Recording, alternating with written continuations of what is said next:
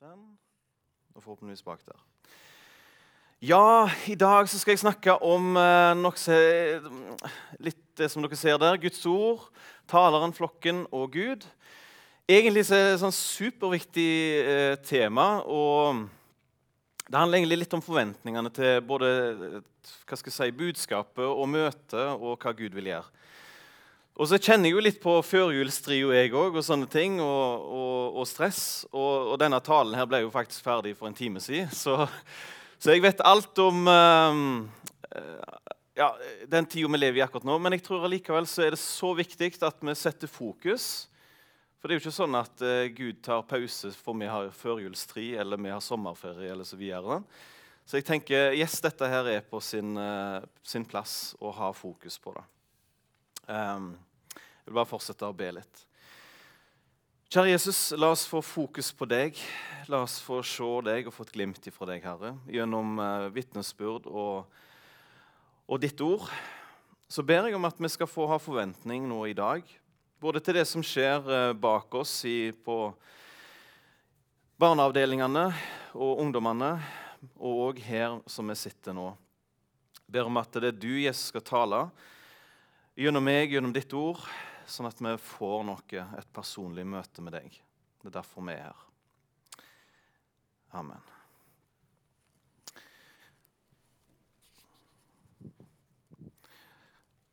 Når jeg var sånn på ja, barn, da, så pleide foreldrene mine å ta meg med i kirka. Helt til familien min ble uh, meldt seg inn i pinsen heller. jeg har hatt sånn både statskirka uh, erfaring, men òg i pinsen. Men når jeg var i kirka, så var det når jeg var liten, så var det harde benker.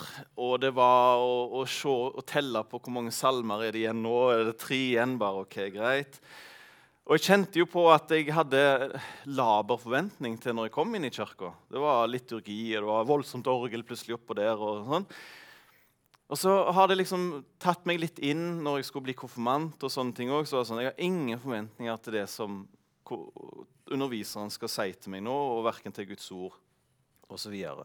Men det er jo helt feil. Fordi hva, hva sier Gud sjøl om sitt eget ord?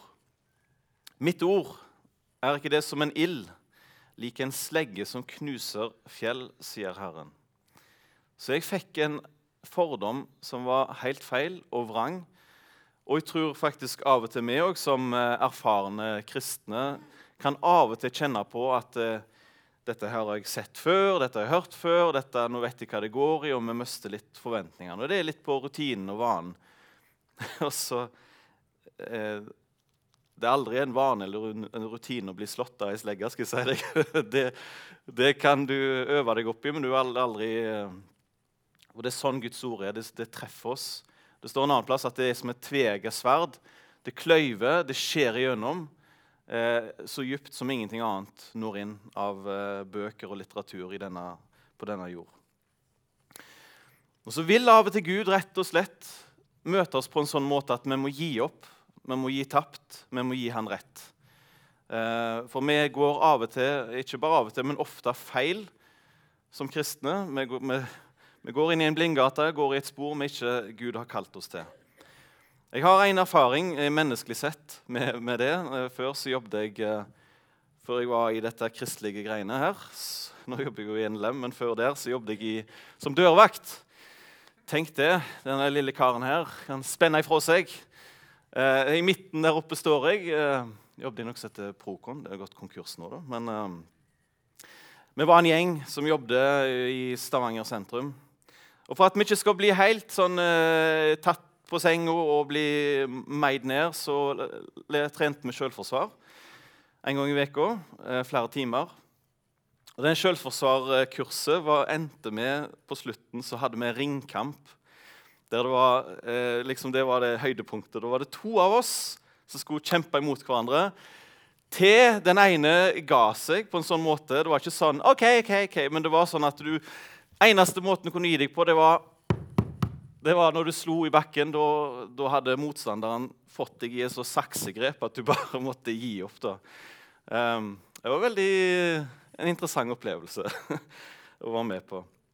Så har jeg tenkt Litt sånn vil av og til Gud gjøre med deg og deg, meg. Han vil, oss, han vil på en måte til slutt få oss i ei saks der vi sier på en måte 'Jeg gir meg, Gud. Jeg underkaster meg deg. Du har rett.' Et eksempel fra Bibelen. Det var Isak på sine gamle dager skulle gi sin uh, velsignelse. Og Isak hadde to sønner, i alle fall, Jakob og Esau. Jakob var yngst. Han uh, tok tak i uh, eller han var yngst, ja. Esau var første, førstefødte. Så jeg mener at Esau skulle få denne her velsignelsen. Og dette her eh, klarte Jakob ja, En kort historie her nå med dette her, men Jakob eh, klarte å late som han var Esau. For Isak, faren, var svaksynte. Han kledde på seg noe greier og lagde en mat, matrett til Isak og så til faren. Og så endte det med at faren velsigna han. Og så Rett etterpå så kom jo storebroren da, Esau inn med, med, mat og skulle få velsignelsen. Og så skjønte han at uh, han hadde blitt lurt. Denne luringen Jakob av en lillebror, tvilling, hadde stukket av med den beste velsignelsen, hovedvelsignelsen fra faren. Så det endte jo med at uh, Jakob måtte rømme for livet. Ja, Esau ble jo naturlig nok eh, pottesur. og så stakk Jakob av. Han hadde gått under falsk identitet. Han hadde løyet og tulla, og nå var han vekke i 20 år. Og så var, tenk, så var tida inne for å vende tilbake igjen. Eh, og etter 20 år så, så, gikk han med et stort følge, flere koner og barn. Og så var han livredd, for han visste at nå kom han til å møte Esau igjen. Og Gud så at eh, denne Jakob han trenger en livsforvandlende konfrontasjon. Han kan ikke leve som en luring lenger. Så skal vi lese det som skjedde, for rett før Jakob skulle møte Esau, så, så kom Gud. Så kan vi lese det som står der. Jakob var nå alene tilbake. Da kom det en mann og kjempet med han, helt til det grydde av dag. Da mannen så at han ikke kunne vinne over Jakob, gav han ham et slag over hofteskålen, så den gikk ut av ledd mens de kjempet. Og han sa, 'Slipp meg, for morgenen gryr.' Men Jakob svarte, 'Jeg slipper deg ikke uten at du velsigner meg.' Og spør jo, Dette er jo Gud som kjemper. Og så spør Gud, 'Hva heter du?' spurte mannen. 'Jakob', svarte han. Da sa mannen, 'Du skal ikke lenger hete Jakob.' Men Israel skal være ditt navn, for du har kjempet med Gud og mennesker og vunnet. Da ba Jakob, 'Kjære, si meg navnet ditt.' Han svarte, 'Hvorfor spør du etter navnet mitt?' Så velsignet han ham der. Jakob kalte stedet Peniel, for jeg har sett Gud ansikt til ansikt og ennå berget livet. Med det samme eh, han kom forbi Penuel, rant solen, og han haltet av hoften. Jeg synes jo det, Dette er en fascinerende historie. Å ha brytekamp med Gud er jo helt vanvittig. Men det skjedde faktisk. Um, og jeg har når Gud spør det, er litt av høydepunktet hva heter du? og Her er det en mann som har gått under falsk navn. Han later som han var Esau. Og så går på en måte kanskje, Jeg tipper Jakob har tenkt på det nesten hver dag. Eller ofte. Var det lurt av meg å gå under falsk navn og tulle med, tulle med det? så spør Gud hva, hva heter du Gir han en ny mulighet. Hva heter du egentlig? Og Da kom sannheten. Jeg er Jakob. Og Så gir Gud han et helt nytt navn, en helt ny start. For Det har vært en ransakelse, det har vært en konfrontasjon, og nå får han en ny start og en ny velsignelse. Han får en, han får den, han får en, en helt enorm velsignelse av Gud. Men han er prega av livet. Han halter. Han har ikke kommet helt hva skal si, uskadd ifra det. Han er merka. Sånn er det med meg som kristen òg. Jeg trenger å bli møtt av Gud. Et møte med Jesus gjør at jeg underkaster meg og sier at du, Jesus, er Herre. Du skal ha livet mitt, du skal bestemme over meg, du skal styre meg, for jeg ser det er det beste. Og ja, dere ser hvor jeg vil, og hvor historien fører oss. Det er et veldig fint eh, bibelvers i salmene om dette her. Jeg trenger dette her. Jeg, jeg trenger ikke en sånn jeg trenger ikke at det går år etter år på det jevne, eh, for, for, for, da faller jeg ofte inn i en søvn. Hvis ikke jeg lar Gud ransake meg, så faller jeg ofte i en søvn. Um, men ransak meg, Gud. Kjenn mitt hjerte. Prøv meg og mine tanker. Se om jeg er på en onde vei, og led meg på evighetens vei. Både på jobb og i familien og i, i hverdagen så gjør jeg så mye som ikke er rett. Ikke, som ikke på en måte er Guds gode vilje. Så trenger jeg at jeg tar tid med han, med Jesus, og la han få veilede meg. Både i de store tinga, de store syndene, men òg i hverdagen. Og Det er jo fantastisk at vi har en Gud som faktisk vil ransake oss. Han kan sette lys inn på deg og gå dypere og, og, forstå deg mer enn du forstår deg sjøl. Og gi deg på en måte en, en, en ny vei å, å, få gå. Jeg har et eksempel her, og, og så vil han Dette må jeg også si. Han vil ransake deg på en sånn måte at du ikke får ransakelsen i et mål i seg sjøl. Men for at du skal forstå at jeg virkelig er en fortapt mann med urene lepper som bor blant et urent folk, og som trenger Jesus. Det er ikke meningen å legge seg ned på ransakelsesbordet for sin egen del. Men det er en, et ledd i et mål om at du skal forstå at du virkelig trenger Jesus. Ikke bare i teorien. For Jeg har hørt såpass mange talere at jeg vet i teorien en god kristen skal si jeg er avhengig av Jesus. Men er jeg nå virkelig det? Trenger jeg Jesus, er jeg avhengig av han? På den måten. Det var en mann en gang i Salem. Han var en student. Bare ta et eksempel der. Han var student, han hadde gått på bibelskole, og nå kjente han at han var blitt litt lei. Kristenlivet ga han ikke så mye. Den, eh, den kjekke tida på bibelskolen var liksom Hoho, kjekt å være kristen disippel. Og så nå var han student, og Jesus var litt sånn i bak, bak evja, er det et ord? Um, og Så var det en tale da, om dette her. Jeg kan lese det temaet der. I et stort hus er det ikke bare kar av gull og sølv, men også av tre leirer. Det første til fint bruk og det andre til simplere bruk. Den som renser seg og holder seg borte fra slikt, blir et kar til fint bruk, innviet og nyttig for husets herre, gjort i stand til all god gjerning. Legg ungdommens begjær bak deg, jag etter rettferd, troskap, kjærlighet og fred, sammen med andre som kaller på Herren av rent hjerte. Og Under den talen der så satt han der eh, litt sånn, litt sånn likegyldige kristne som var med på lasset. Så begynte Gud å møte han i forhold til livet sitt, i forhold til at han må begynne på ny med Jesus. Og så hadde han en kjæreste som ikke var kristen. Så på et eller annet vis så viste Gud han og ga han en minnelse om at du skal kjøpe en bibel til denne ikke-kristne kjæresten. Så han begynte på ny sjøl. Han tenkte nå skal jeg gå til kjæresten min og så gi en bibel og håpe at eh, Gud kan møte henne. Han kjøpte en bibel, ga henne den. Etter møtet, så klart. så, kom han seinere, og dette, da var jeg på en måte jobbet i Salem som ungdomsleder. Så fortalte han til meg at eh, nå har jeg kjøpt en bibel og gitt det til kjæresten, og hun har fått et møte med Gud. Hun så på en måte forskjellen på livet sitt nå uten Gud, og så fikk hun se hva Jesus hadde for henne. på en måte. Og Det liksom så, det gamle livet visna, på en måte, og så fikk hun se det nye livet med Jesus, og så ville hun ta imot. Og så tenkte jeg så, så fantastisk når Gud får ransake oss. Både den lunkne, men òg får ransake den ikke-kristne og vise du trenger Jesus. Det er jo fantastisk. Og denne teksten her er jo til oss òg. Vi havner av og til, vi veksler jo litt mellom forskjellige karer. Av og til så er vi vekke fra Gud litt, og av og til så er vi nær han. Men så ser vi invitasjonen at vi trenger å bli rensa daglig. Til var et kar for han, nyttig og innvia for husets herre. Yes, så vil jeg òg bare si litt om møter. Det har jeg lyst til å si litt om i dag.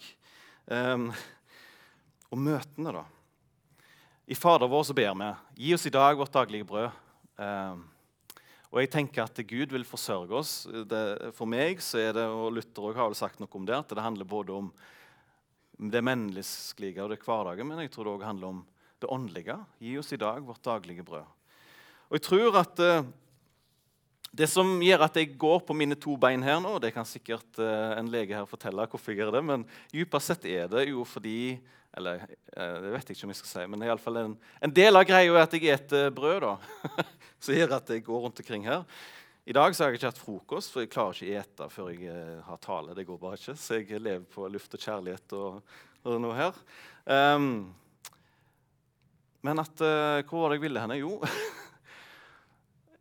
det vanlige brødet, det grove brødet, det er det som gjør at det, det er liv i meg. Og det, Jeg tenker ikke over det når jeg har hatt en vanlig frokost. At, å du verden, sant? Jeg tenker kanskje Når jeg er i bryllup, så tenker jeg noen dager etterpå hvor godt det var. Men det er den vanlige maten som gjør at det, det er liv i meg.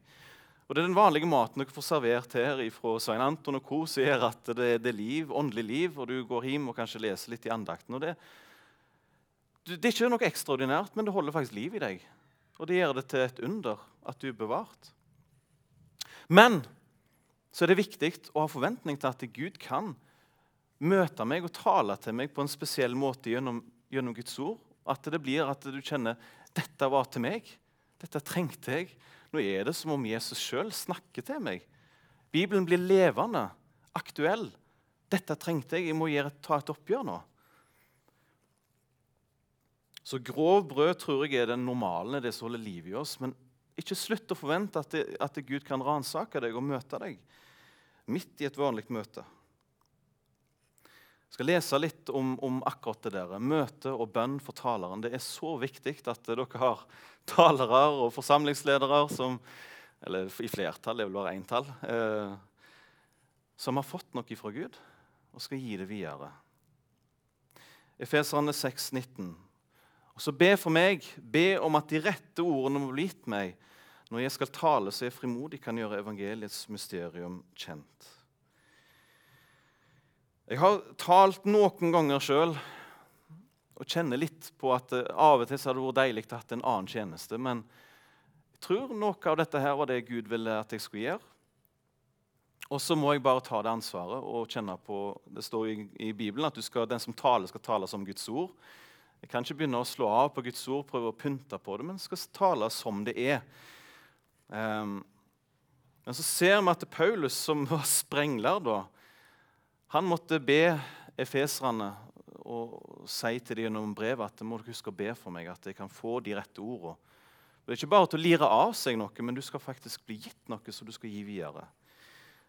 Um, og Det er viktig for taleren å på en måte ha tid til hva er det du, Gud, egentlig vil skal bli sagt her i dag. Jeg har synda der noen ganger. En gang jeg skulle til Klepp for eh, noen år siden. Så var det, det var ikke julestria, det var, var noe annet.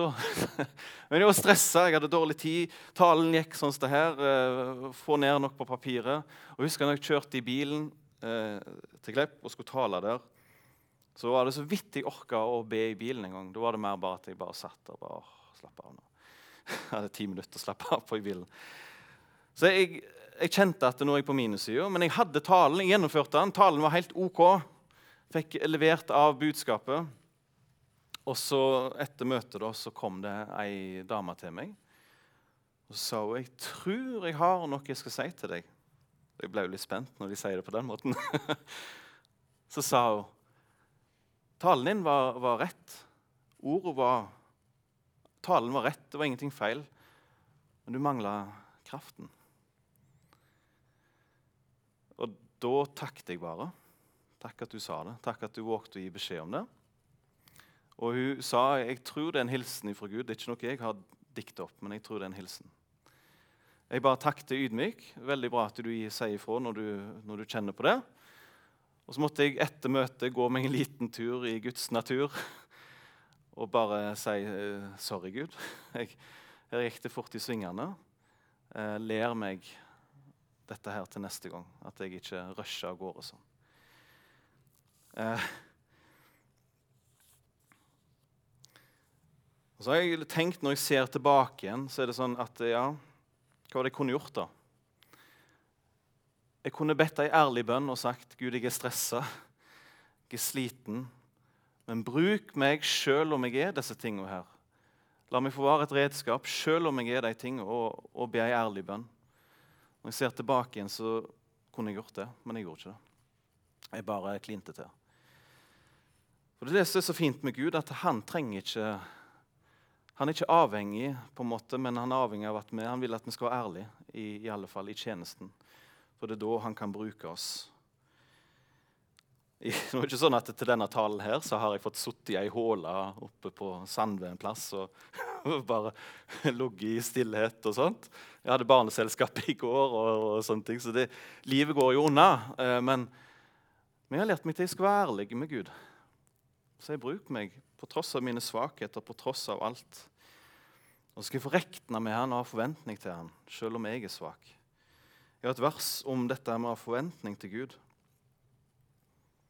Jesus vil bruke oss som sprukne lærkar og svake. Markus 16, 19-20. Etter at Herren Jesus hadde talt med dem, ble han tatt opp til himmelen og satte seg ved Guds høyre hånd.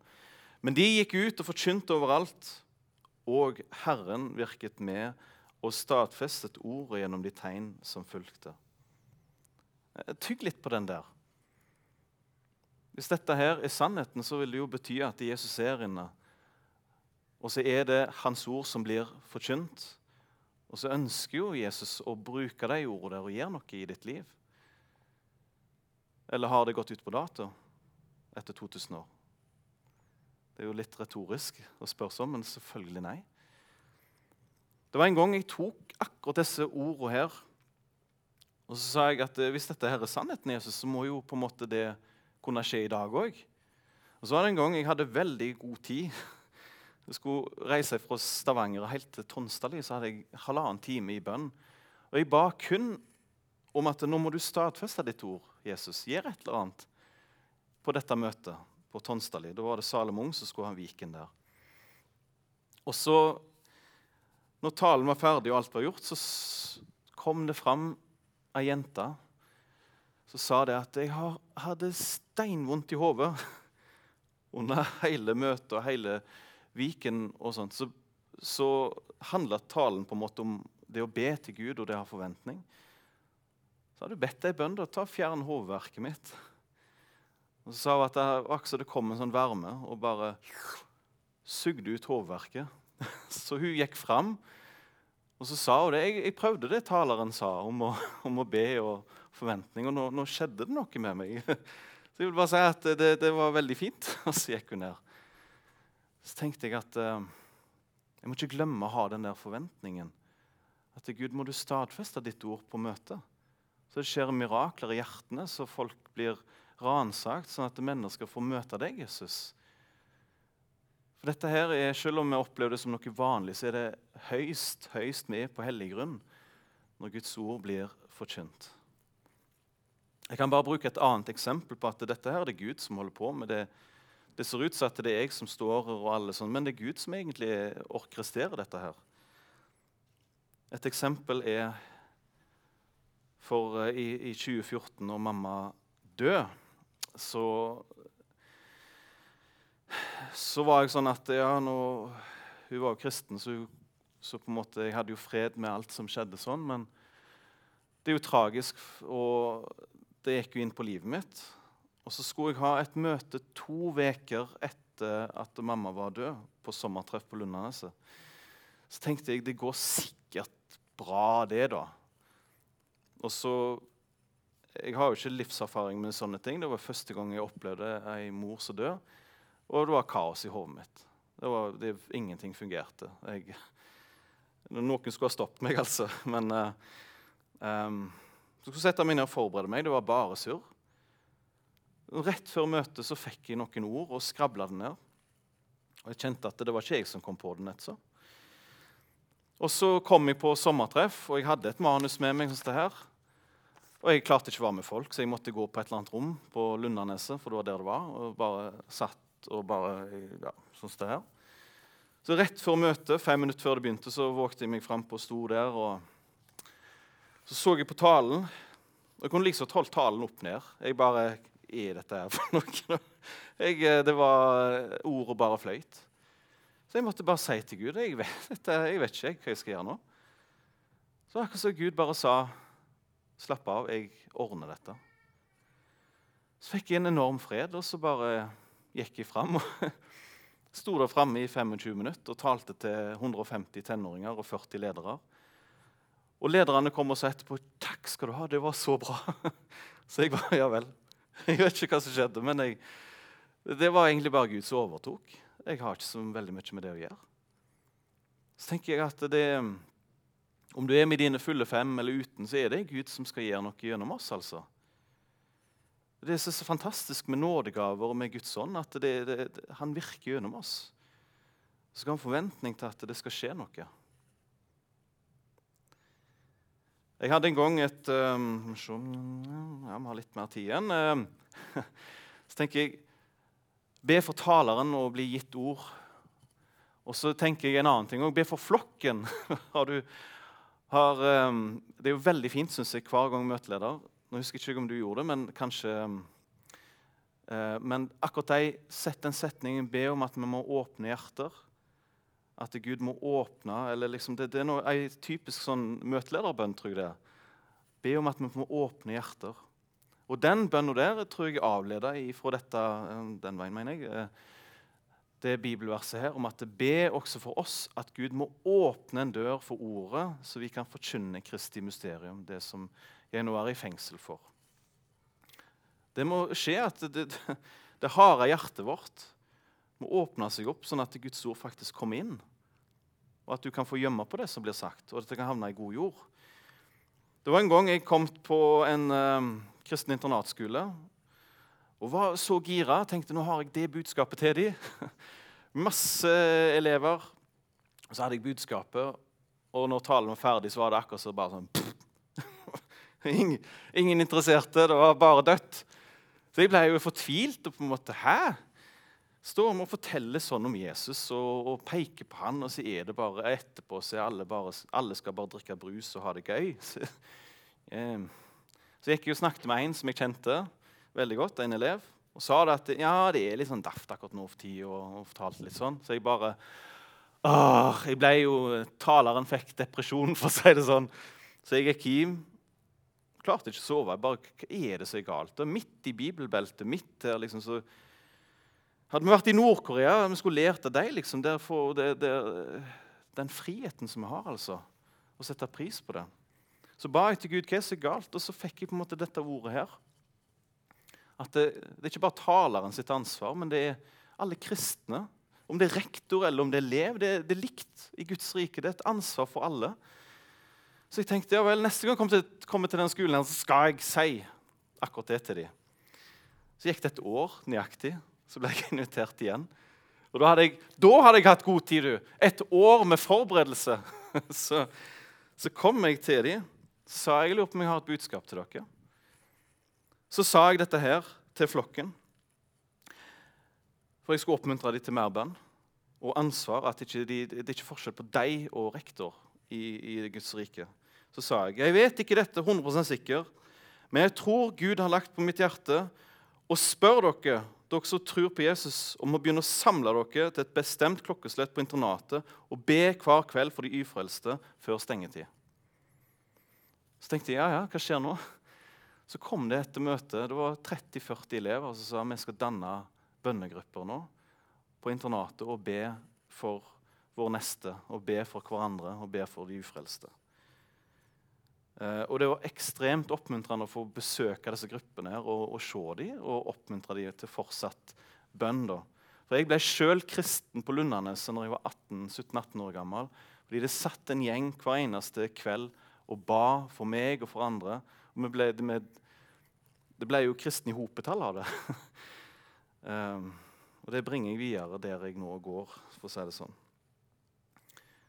Uh, oppsummert så vil jeg bare si at uh, taleren har et ansvar til å tale det som Gud legger på hjertet.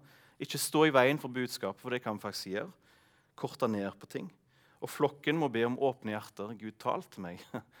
Men dere har et ansvar for å følge med på dette her. liksom. At det var fokusert og ikke tenke på julegaver. Um, og så er det sånn Er det bare opp til oss, Jeg synes det er så fantastisk at vi har en Gud som gjør som han vil.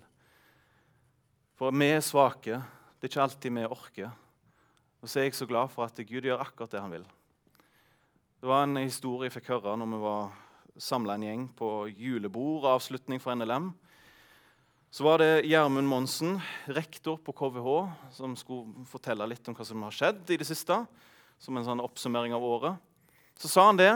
De i Haugesund eller en eller annen plass der, for det er jo der denne skolen er, på Karmsund, så var det da en fyr, en gutt, som vokste opp i et ateistisk heim. En ateistisk heim. Han sjøl var ateist, men han har begynt å få spørsmål om hva er egentlig meningen med livet. Hvem er egentlig Gud? Det som vi i denne familien her skubber vekk. liksom. Og Selv om denne gutten her begynte å spørre foreldrene om Gud, og sånne ting, så fikk han ikke lov å snakke om Gud i heimen. Det var nulltoleranse for det. Så han klarte til slutt å finne for bestemor var hvis de som hadde en bibel, og muligens en kristen. Så Han tok bestemor sin bibel og begynte å lese den fra første Mosebok til Johannes' åpenbaring. Og så sa han Han hadde aldri vært på noen kristne møter. eller sånne ting, Så sa han alt i denne boka taler til meg. Alt i denne boka snakker rett til meg. Han har ikke gått bibelskole, ingenting. Og så tenker jeg at der har Jesus sittet på rommet med han. Og eh, Jesus har, Jeg ser for meg Jesus har stått på andre sida av boka, og han har sittet der, og Jesus har talt til ham. Og ikke en, ikke en eneste av oss var med og gjorde det. Så tenker jeg, så fantastisk, det er en sånn Gud vi har, som gjør som han vil. Og han kjørte, han gutten, og han leste i denne Bibelen, og så kjente han jo dette vil jeg. Jeg vil følge Jesus. Så kjørte han forbi KVH så så han at det sto 'kristen' liksom, i, på den skolen. Så han søkte på den skolen og er nå elev på KVH, en kristen videregående skole som NLM eier og har. Det er en dagskole for videregående. Da har vi nå en som var tidligere ateist, som går der. Og Gud gjorde akkurat som han ville. Det syns jeg er en oppmuntring til oss. At det ikke, For vi er svake, men Gud er sterk og kan bruke oss tross vår svakhet. Um, og så er det ikke sånn at jeg har lyst til å lure meg unna når vi har en sånn Gud. Så står det, det skal jeg lese til slutt. For Kristi kjærlighet tvinger oss, for vi vet at én er død for alle. Derfor er de alle døde. Og han døde for alle, for at de som lever, ikke lenger skal leve for seg selv, men for han som døde og sto opp for dem. Så når jeg ser en sånn Jesus, så ønsker jeg å si, se her, jeg. Send meg, bruk meg. Jeg vil ikke gå glipp av det, alt det spennende som du gjør, Jesus. Kjære Jesus, jeg har lyst til å takke deg for at du er sterk når vi er svake. Og du har lyst til å bruke oss tross vår svakhet og ufullkommenhet. Og takk at du, Jesus, gjør akkurat som du vil. Du kan gå inn til en artist og, og frelse han, bruke ditt ord og nå inn til han. Takk at Bibelen er aktuelt en dag i dag. Det er bare et mirakel som kan gjøre at ei så gammel bok kan bli oppfatta aktuell i dag. Det er ditt verk. Og Så ber jeg nå her, vi som sitter her inne, at vi har forventning til deg. Både i dag og dagene som kommer, og neste møte. At vi husker å be for taleren, husker å be for hverandre. At vi må, vi må være sånne som er på nett med deg, Herre, og som ikke glemmer den første kjærlighet. Takk at du vil ransake oss på en positiv måte. Du ønsker ikke å dømme oss nord og ned, men du ønsker å avsløre oss og vise oss at vi, vi trenger deg.